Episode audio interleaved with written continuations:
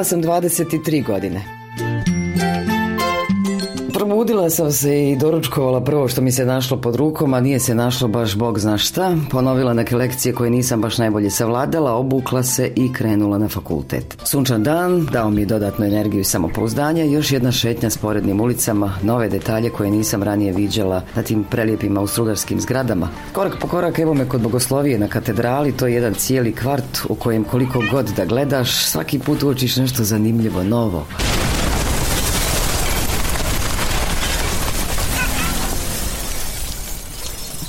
I svaki put se začudiš kako neko može htjeti da te ubije na ovako lijepom danu.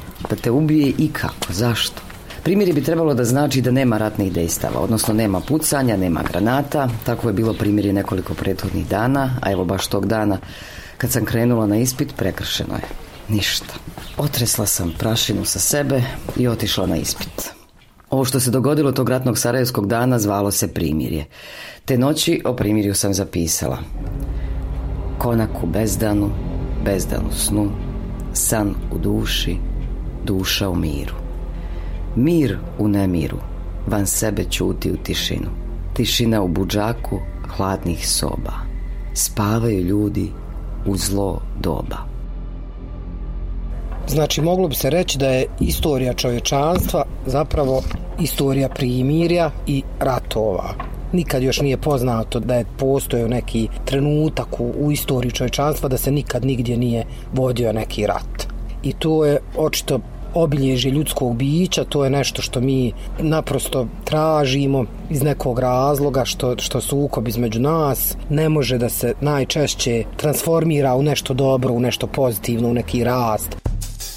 Amra Panđo koju smo čuli, a koja će pored mene na neki način biti vodič kroz priču o miru u ovom podcastu je mirovna aktivistica koja je također rad provela u Sarajevu, a godinama već radi sa brojnim ljudima različitih nacija i dobnih skupina u BiH regiji na prevazilaženju posljedica rata, transformaciji konflikata, mirovnom obrazovanju, pomirenju. Ja sam Lila Omregić-Ćatić i u ovom podcastu za viri ispod površine, odnosno zipu, pokušavam da odgonetnem kakav to mir živi Bosna i Hercegovina, a i dobar dio regiona. Neki čudan mir u primirju od kojeg se jedva diše.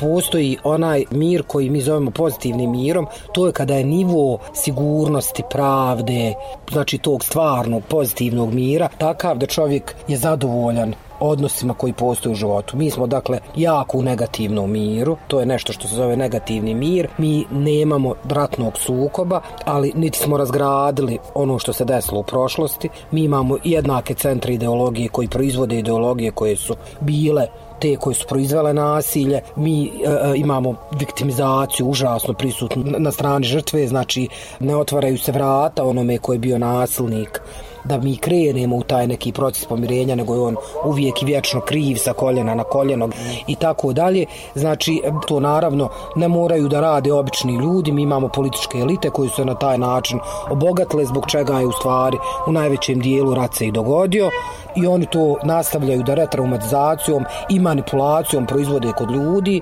da bi ljudi ostali u tom stanju posvađanosti, da vi sada ne možete da vjerujete da, na primjer, smo mi živjeli prije 50 godina mirno, da je sad to, sve, sve, to sad sve izgleda kao neka iluzija, zato što se to jako podržava od strane političke elita, narod o tome puno ne razmišlja, što je siromašniji, manje ima šansu da razmišlja, stvorene su ove državice male etničke u kojima su ljudi većinom žive 90% istih na jednom terenu tako da mi moramo kroz svoj napor da gradimo mir zapravo vještački i artificijalno proizvoditi ono što smo mi prije prirodno imali da pored vas tu živi neko ko je drugi i onda vi prirodno s njim u suživotu učite kako se živi sa nečim što je drugačije.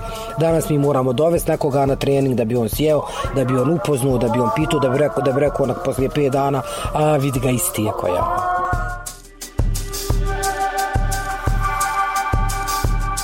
I tako šetajući gradom i razmišljajući o stvarnom miru koji je oslobođen svakodnevnih političkih tenzija i neprestanih prijetnji i to miru kakav imamo, prijeti se budućnosti djece, obrazovnom sistemu, mada je već svaki sistem urušen i kontaminira dum i um i duh i neprestanim desantom, posebno kroz medije koje koriste kao platformu za podizanje tenzija. Frustrirajući je to mir. Dakle, šetajući gradom, hajde pomisli možda da ovu djevojku pitam da mi se pridruži u tom razmišljanju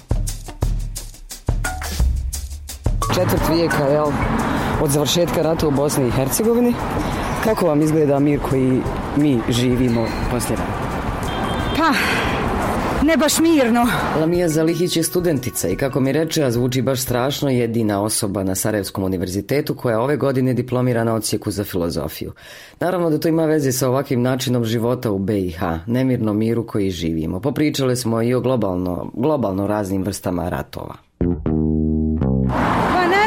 mislim da se stalno vodi taj rat ne samo na, na naš prostor, nego i širom svijeta. Ratovi su uvijek tu i time što ih mi nazivamo drugačije, ne mijenjamo činjenicu da su oni prisutni bilo u malim nekim grupama u borbama za neka ljudska prava, ne znam, od prava homoseksualaca, pa nadalje mislim da su stalno ta neka, e, da su ratovanja dio jednog što bi Hegel rekao, dijalektičkog stalnog jednog procesa u svijetu i da, i da bez njih ne može ni da, ni da se funkcioniš. Pa ja jesam u, u principu pacifista i ja smatram da je to jedan ispravan stav, ali postići mir na jednom lokalnom pa onda i globalnom nivou mislim da nije prirodno stanje koliko god bi to željela zato što mislim da ću sebi slobodu ja kao jedan agnostik po, po ubjeđenju mislim da sve dok je monoteizam jak onoliko koliko jeste i nažalost sve jači e, neće biti razumijevanja neće biti prihvaćanja samim time ne može biti mira Dobro, odakle gradimo to razumijevanje? Razumijevanje gradimo prije svega oslobađanjem od predrasuda, a od predrasuda se možemo osloboditi time što ćemo uh, slušati druge. Znači, predrasuda je u stvari ali predubjeđenje kada osoba nije spremna da prikupi znanje. Tako da mislim da je način uh, razgovor, razgovor, uh, prihvatanje tuđih nazora, napuštanje prije svega tih monoteističkih, a onda i svakih drugih kalupa koji nas drže zatucanim. Dobro, a, postoje ipak države jel, u kojima se živi na neki način na miru, ne, ne na ovaj način kako mi živimo ovde već više od 25 godina. Imamo li šansi ikakvih da na način koji ste objasnili, dakle sad to mora i kroz obrazovanje, kroz porodicu, jel, da ide, ovaj, da, da, da dosegnemo u nekoj bliskoj budućnosti da se barem živi u miru na miru. Ja sam deset godina živjela u BiH. Vratila sam se prije tri godine. Svi su mi rekli da sam luda, ali eto mene je ta neka ljubav prema mojoj domovini povukla, jer sam tu bila i tokom rata i sve. Međutim, vratila sam se, uh, sad malo skrećem s teme, ali digresija, činjenica da, da ja ću biti ove godine uh, jedina osoba na univerzitetu koja diplomira na ocijeku za filozofiju je strašna. I ne vidim trend da idemo ka bolje. Ne vidim taj trend. Voljela bi biti optimistična, ali ono što ja viđam sada, uh, vi, vi, znate šta mi smeta? Što vidim nacionalizam uh, u djeci, da sam ja nacionalista, ko što nisam, pa bi možda moglo biti opravdano. Ali u godištima 2000, 2000 neko I kad vidite tu mržnju i to, ja ne znam kako može biti bolje. Ne znam, ne, ja osjećam, osjećam da je neka dekadencija na snazi na svim poljima, životnim i tako da uvijek sam bila zato na, na radu, na vlastitom uzdizanju, ali znate vi kao što je Marks rekao, morate imati materijalnu bazu pa tek duhovnu nadogradnju, znate, i sad ići ovdje i propagirati ljudima, a budi duhovana i sam vidite koliko je prosjaka na svakom čošku, to bi bilo malo onako bahato i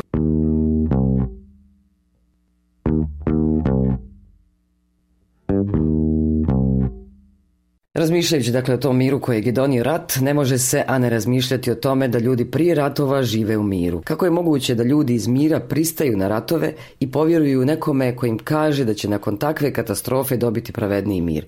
To je pokušala objasniti mirovna aktivistica Amra Panđo. Za mene je čast, zadovoljstvo prvo razgovarati uopšte s nekim ko to vidi. Jer to je za mene najveći misterij ovih prostora i uopšte čovjeka kao ljudskog bića.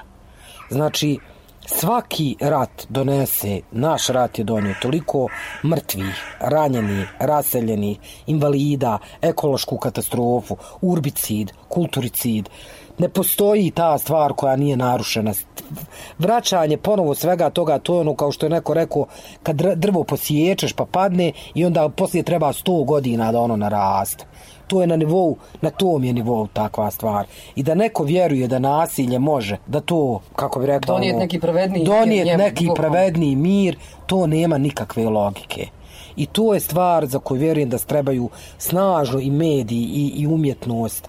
I na sve načine treba da se čovjek hrabri u tome da shvati da mu to nikad neće pomoći. E sad da se vratimo na, na čovjeka kao nekoga kome to naprosto nije lako. Kad sad ode dijete u školu i nekoga udari što ocem, 90% naših roditelja kaže udari ti njega. Da li će on riješiti ime nešto? šta ćemo poslije toga dobiti? Samo dvije razbijene glave, ne jednu razbijenu glavu. E to je to pitanje, malo je to triki pitanje. Jer čovjek uvijek kad je u sukobu on osjeća da je već njemu onaj drugi nešto uradio. I on ima potrebu, misli, ako vrati, ako on dođe na poziciju moć, da će se to sad nekako izjednačiti. Zato je moj rad čitavi ovih 20 godina duboko antiratni, jer je jedina svrha svog tog napora svi koji se bave mirom da, da pokažu da taj rat će donijeti samo neko novo zlo i da nema, nikome neće biti dobro. I stvarno, u susretu sa ljudima koji su puno propatli, baš najbliže izgubili, oni nikad nisu spremni za neke osvete, za dalji rad, za ovo.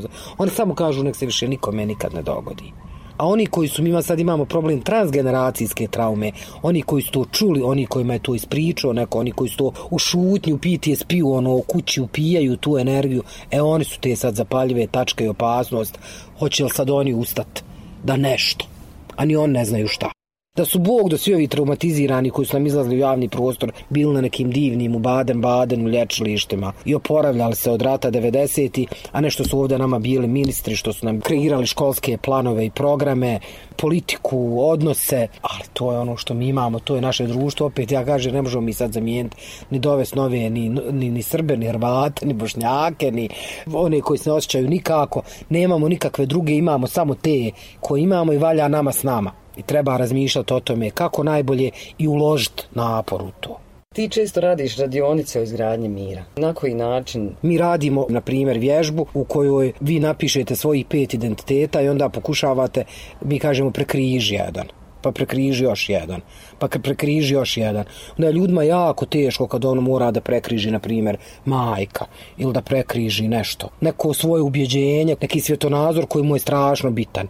I onda mi kažemo, e to je ono što se događa u čovjeku kada ga ugrožava ova druga strana. Prvo je znači važno da on osjeti to, šta je to, zbog čega je to sve. Nekomu ne da da bude ono što on želi da bude. E onda počnemo razmišljati o tome i rad na tome kako ti sada da to svoje svoje afirmšeš, a kako da drugog onog prihvatiš. Da zajedno pronađemo najbolje rečenje i da svako može da kaže u jednom trenutku ne to mene odgovara, hoću ovako, da zaustavi to. Mi sve te stvari vrlo precizno imenujemo i vježbamo. Kako zapravo da sukob ne dođe u tu fazu da on eskalira i da počne da se koristi nasilje. Ne nasilje je jako važna stavka mi to kažemo aktivno na nasilje. Znači, kada si ti treniraš da djeluješ u pravcu mira i u pravcu dobra i kad si aktivan u tome. Često, recimo, ljudi postaje pitanje kako se Sarajevo moglo dogoditi to što mu se dogodilo, a ljudi su bili super, prijestolnica kulture, rock and zajedničkog života, ovoga, onoga. Zato što to nije bilo aktivno dobro. Ono nije bilo, kao što su nacionalisti s druge strane, vrlo aktivno pravili svoje strategije, svoje organizacije, svoje političke stranke, svoje djelovanje i tako tako dalje. Na drugoj strani nije postojao takva organizacija i zato je danas ono što je bilo prije 50 godina čudno, a neki novi trendovi jel, vladaju ovim svim. Zato što to nije bilo promišljeno strateško djelovanje u pravcu jednakosti, uključenosti zajedničkog života građanske Bosne i Hercegovine i građanskog regiona, mislim uopšte, ovo je regionalna priča, naravno. Tako da mi e, e, pokušavamo dakle da ljudi vide neku tu potpuno novu stvarnost, da razumiju šta je narativ, da jedan narod ima jedan narativ, na primjer kako je počeo rat u Sarajevu. Jedni kažu to je ubijstvo srpskog svata, drugi kažu tako što je počelo bombardovanje od strane vojske Republike, buduće vojske Republike Srpske na grad. E sad kako je moguće da te dvije istine postoje, da su obje na neki način istine, ali postaju dio narativa jednog naroda, da mi razumijemo da je sve to jedna priča u kojoj nije sad ključno da mi pronađemo samo onu jednu istinu tačno kako je ona bila, nego da dogovorimo kako ćemo mi sad poslije s tim, kako da živimo dalje. Recimo radimo tu vježbu, damo razne, neko drvo, cjepanicu, karton, ekser, ovo ono i kažemo, ajde sad napravite sto od toga. I onda se grupa sastavi, gradi nešto na kraju, oni se tu založe, naprave projekat, trude se, ovo ono, to na kraju ni na šta ne liči, ali to je njihov sto. I onda mi kažemo, e to je društvo poslije rata. Vi ste imali razne deliće svega što je razbijeno, E sad to valja spojit u nešto što neće ni na šta ličiti nikome, ali bi trebalo da vama bude to nešto što vi možete zajedno. Dobro, kakve su šanse, evo, o čemu ti govoriš, da, da se usvoji na, na, na nekom višem nivou takav narativ, jel? da ljudi počnu na taj način da razmišljaju? Ja ne želim da budem negativna na ovom podcastu, ali ću morat reći da je moje mišljenje, eto, ja sam na doktorskim studijama izgradnje mira i, i neko sam sigurno među malim brojem imena u ovoj oblasti, mi smo za sad izgubili tu bitku. Znači, što se tiče toga da će živući odrasli ljudi ovdje kod nas u regionu napraviti takvo društvo, ja mislim da se to neće dogoditi. Svi naši napori su na neki način uzrokovali mnogo pozitivnih stvari na lokalnim nivoima, a sve što se tiče dakle političkih nivoa u višem smislu mi nismo uspjeli tu da dopremo. Tako da sam ja, evo recimo u svojoj mirovnjačkoj karijeri odlučila sada se okrenem djeci. Tako što ću napraviti pedagoški model iz ovoga i pokušati da najmlađi počnu da uče da žive u drugoj kulturi i njihovi roditelji koliko budem morala u sklopu svojih programa ne bili mi stvorili neke nove ljude koji će ovo nositi na neki drugi način. Već ste čuli za dvije škole pod jednim krovom koji u Federaciji Bosne i Hercegovine ima 56 od 28 mjesta, gdje još od posljeratnih godina do danas učenici bošnjačke i hrvatske nacionalnosti ulaze na različite ulaze i nastavu pohađaju odvojnim učionicama.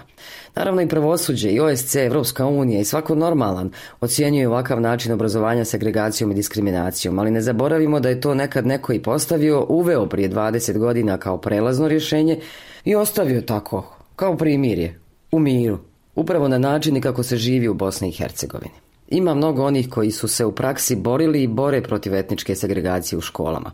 Jedna od njih je Jasmin Kadrino Kirlić, danas u penziji, nekadašnja profesorica bosanskog jezika i književnosti u dvije škole pod jednim krovom, Gornji Vakuf Uskoplje u Srednjoj Bosni. U čemu se ogledao i još uvijek ogleda vaš aktivizam i vaš rad u tom smislu?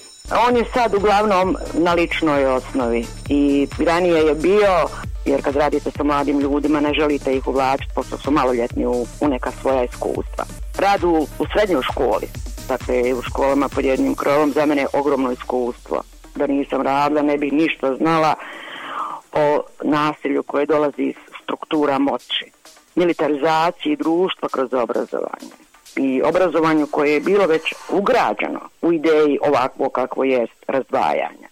I nisam ništa radila spektakularno i ništa radikalno, to je bio najbaš fini tihi otpor, on je bio tako vidljiv. Ja sam samo, ovo, kad je najviše ljudi bilo u školi, u hodnicima, na vratima, ulazila na vrata koja su meni bila zatvarana. Tako sam rušila podjele, ali sam inspirirala mnoge mlade ljude da rade isto. Međutim, njima je vrlo brzo postalo opasno jer je moć školskog dnevnika i olovke velika za gušenje pobune. To je ono, podrazumijeva se da, da, da vi ne možete, jeli, kroz neka vrata, zato što to nisu vaša vrata, jeli. Tako da oni već se identificiraju kroz to naše, odnosno vaše, njihovo i tako. Generalno na nekom lokalnom nivou mnogo se radi na izgradnje mira, jel, a opet po, po raznim nivoima, pojedinačno ili kroz uh -huh. e, NVO sektor, evo i kroz obrazovanje, vjerovatno još ima pojedinaca, profesora. Ima, jako puno. E, međutim, da li kroz društvo i u društvo osvješteno to mirovnjačko djelovanje da bi imalo efekta? Ja mislim da ne. Čak je ono nepoželjno. Jer ono koliko god bilo mirovnjačko nasilno, ono evo prilično uzurpatorsko, opasno je. Jer pomiče polagano stvari, ne buče, ne izlazi na ulicu. To je svakodnevni u stvari rad sa ljudima. Nama je još uvijek mirovnjak, ja sam neki dan uguglala ovaj riječ mirovnjak, to su vojnici koji čuvaju mir puškama u jednoj zemlji. Hvala. To nisu mirovnjaci, to mirovnjaci su u stvari ljudi i mirovnjaknje koji svakodnevnoj bazi. Oni žive to. E, žive na takav način da svakodnevno koriguju i ono što misle čak, mislimo i loše, radim mi loše, kako sam bila danas s ovim ljudima, nisam li možda bila malo pregruba. Dakle, vi na, neko, na neki način, na svom primjeru, pokazujete ljudima kako se može bolje, da bi, da bi naprosto vi kao osoba bili bolji sebi, a onda prema tome i, i, i drugim ljudima. Dakle, nije poželjno, nije osviješteno jer narušava i ustaljene narative o nama, jeli, u našim herojima, nama kao žrtvama, vama koji ste neprijatelji, koji ste zločinci, koji niste puno stradali i tako dalje. Jeli, mi smo još uvijek u robovima. Strašno i strašno je što, e, evo sad hoću da vas pitam u vezi obrazovanja, a, a absurdna je situacija da sve ovo što ste malo prije ispričali dešava se u jednoj obrazovnoj ustanovi. Da, ma da je jednak, negdje kažu, računa se 60 i nešto, s tim da imate još i škola koje, dakle, nisu dvije škole pod jednim krovom, ali podržavaju jedno ili dva odjeljenja djece koja nisu naša. Ja. čija god da budu. Dakle, ako go, da, da, da, hoću reći da je iz, iz sad ovog ugla ab, absurdno, dakle, pričamo o obrazovanju, sve da li je, a i kakvo obrazovanje, ipak bi bilo prioritet svih prioriteta i u kontekstu izgradnje trajnog i pravednog mira. Ne, ne želim biti radikalna, jer ljudi često kažu idemo ukinuti dvije škole pod jednim krovom. Naprosto to je vrlo nasilan čin. Koga ćete ukinuti? Koju školu? Koju djecu? Koje ljude u tim školama? mislim ono što oni su rekli da je to prijelazni period, nekakva prijelazna faza, je tranzicija, ta riječ bila baš onako, pa smo se svi na nju nakačili, kao da vozite sa splavom, jel? Šta, šta ja vidim? Mi moramo kurikulume mijenjati. Mi moramo uspostavljati dijaloge između tih škola. Te škole nisu u dijalogu. Evo mislim, primjer škole koje sam ja radila, to je, dakle, 5 metara vas dijeli stepenica. Jedna djeca idu na ekskurziju sa djecom koja su im naša, a ova djeca idu sa djecom koja su opet njihova. Naprosto neke veze između tih škola treba graditi polagano. Mislim, mi smo strašno zakasnili. Strašno je puno vremena prošlo. Ljudi se naučili. Ovo je moja škola. Zaklonjeni za ustavno pravo da govorimo da, da se obrazujemo na našem jeziku. Međutim, tu jezik tu vezi nema. Tu sadržaj su tu bitni odnos prema sadržajima koje mi predajemo. Mi naprosto moramo kroz, kroz ovo progovoriti o jednoj dugoročnoj strategiji nenasilja kroz obrazovanje. Toga škole su e, isturena odjeljenja političkih partija kroz upravne odbore, kroz direktore, kroz imenovanja učitelja. Dakle, kad krenete od porte do vrha škole, uh, sva su mjesta garantirana stranačkom pripadnošću, onom karticom, jeli, koja vam je kokovit propusnica sad. U svakom slučaju, ovaj, poruka je da bi obrazovanje, obrazovanje naravno jeste nekako temelj yes. do izgradnje yes. trajnog i pravednog mira i da se oslobodi politike, da se oslobodi bilo kakve dogme. Jel? Upravo tako. Da sadržaj zaista budu primjereni aktivnim mladim ljudima koji će znati, dakle, aktivno odgovoriti prema svim oblicima nasilja i isključivanja to što si malo prije ti rekla protiv bilo kojeg oblika nepravde za pravedno društvo nema mira ni u jednoj zajednici ni u jednoj zemlji nema ga u svijetu dok, dok ne budemo svjesni bili pravednosti odnosno nepravednosti. Ali smišljenim strategijama izgraditi svijest mladih da im se čini nepravda. Na svim nivoima obrazovanja u Bosni i Hercegovini čini se nepravda. Od malog klinca koji od vrtića živi 10 km i normalno da ne može doći jer država neće da plati neki kombi da bi to djete došlo u neki vrtički odgoj. Jednostavno, mi učimo djecu da je dobro živjeti u nepravednom društvu. Šut, poklop se, valjda će biti nešto.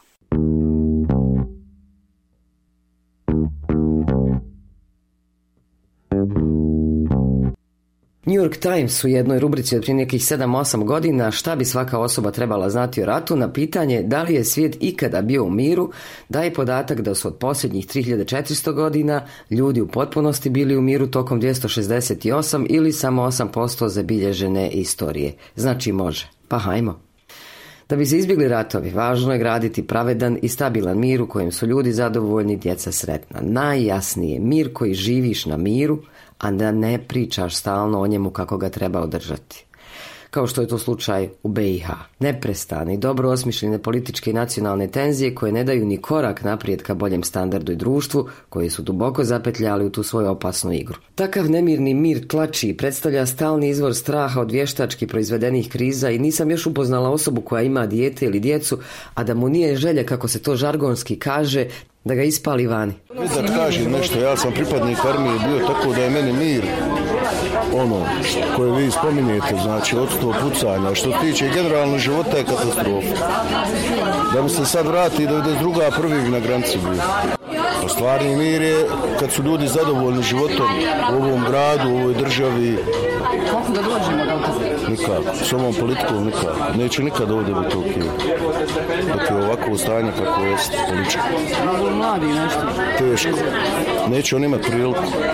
Odošli vani da ti kažem nešto, onaj, eto, sticajem okolnosti, putujem koji ti, vjerovatno. Pa sam pričao s ljudima, recimo, evo ti jedan primjer, s jednim investitorom u krajinu sam sjedio i koji mi priča da je nekad, recimo, radio u jednom periodu 3-4 zgrade u istom momentu. Sad kaže, ne smijem ni jednu da počnem da radim jer nema majstora i praćač penale, to će biti užas. A da ti ne govori, recimo ja imam sina i čerku, sin ima 20-ak, 21 godinu, studira čerka je tu negdje na sredini ekonomski i želja mi je samo da Ivanu ispali.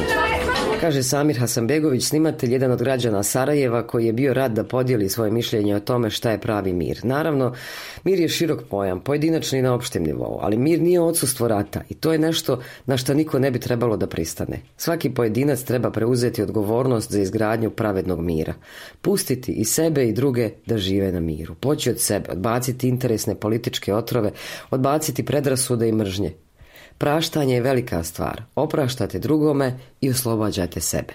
Znači ja sam prošla situaciju u kojima je čuvar iz Omarske i majka dvoje djece koji su tamo poginuli, koji su oprostili jednim drugima. To su nevjerovatne stvari koje su se događale ili, ili recimo u, u, u ovaj u Kladuši komšija prvi je ovaj ubio svog komšiju znači unutar bošnjački sukob ovaj gdje ljudi nisu govorili godinama i onda je taj dedo stari kad se razbolio otac od ovog što je umro otišao u tu kuću i rekao vi meni sve halalte i oprostite. Unu ga je zamrzio neće više nikad nije tio da ga vidi kako on to sebi mogu dozvoliti jer je njegov otac na stradu na što su ovi svi rasplakali, raspla, raspali i rekli pa nisi ti dedo kriv, mi smo tebi dijete ubili i te, te su se porodice izmirile. Znači ja sam gledala puno takvih filmova i ja mogu reći da na lokalnom nivou je zacijelo dosta ovog tkiva. Ljudi su se dosta povezali, hoće da rade zajedno, da žive zajedno. Mi imamo opet ogroman broj miješani brakova u Bosni i Hercegovine. Znači, živi to u tom nekom rekla bi podzemlju u nečem skrivenom porodičnim ovim kontekstima u, ali gore jako teško možda to je nekako i najbitnije je, u tom svijetu da, da postoji i želja i volja i da ljudi se rađuju iz jedni s drugima i praktično politika je od danas do sutra. Mislim dovoljno je možda da se pojavi samo jedan ovaj koji će da povuče to od ozdu. Ja se isto to tako je, upravo tako, upravo tako, al tu bi ono bilo bi da je dobro da ima što više nezavisnih medija koji pomažu u tom procesu. Da to bude prisutno stvarno jer upravo ovo politika dnevna politika šta je to? To je nešto je danas ovako sutra ovako oni se sastali nisu posvađali pomirili. Mislim to to stvarno kad bi običan čovjek pogledao koliko ga se to realno tiče ali to je nemoguće kod nas, kod nas je glavna priča šta je rekao Izetbegov, šta je rekao Dodik, mi o tome pravimo viceve, mi pravimo o tome mislim mi se svom jadu smijemo na taj način ali ovaj to stvarno trebalo da bude ono ko Harry, Harry Potter ora, oni čija se imena ne izgovaraju ja vjerujem da ovaj prostor opet nosi tu jednu onaj energetsku snagu da se obnavljaju te stvari opet iznutra i odnosi među ljudima i među našom djecom i da, da se to opet veže, da se povezuje na najnevjerovatnijim mjestima, da se to ono, ljubav nema granica opet, nemoguće je to zaustaviti sve.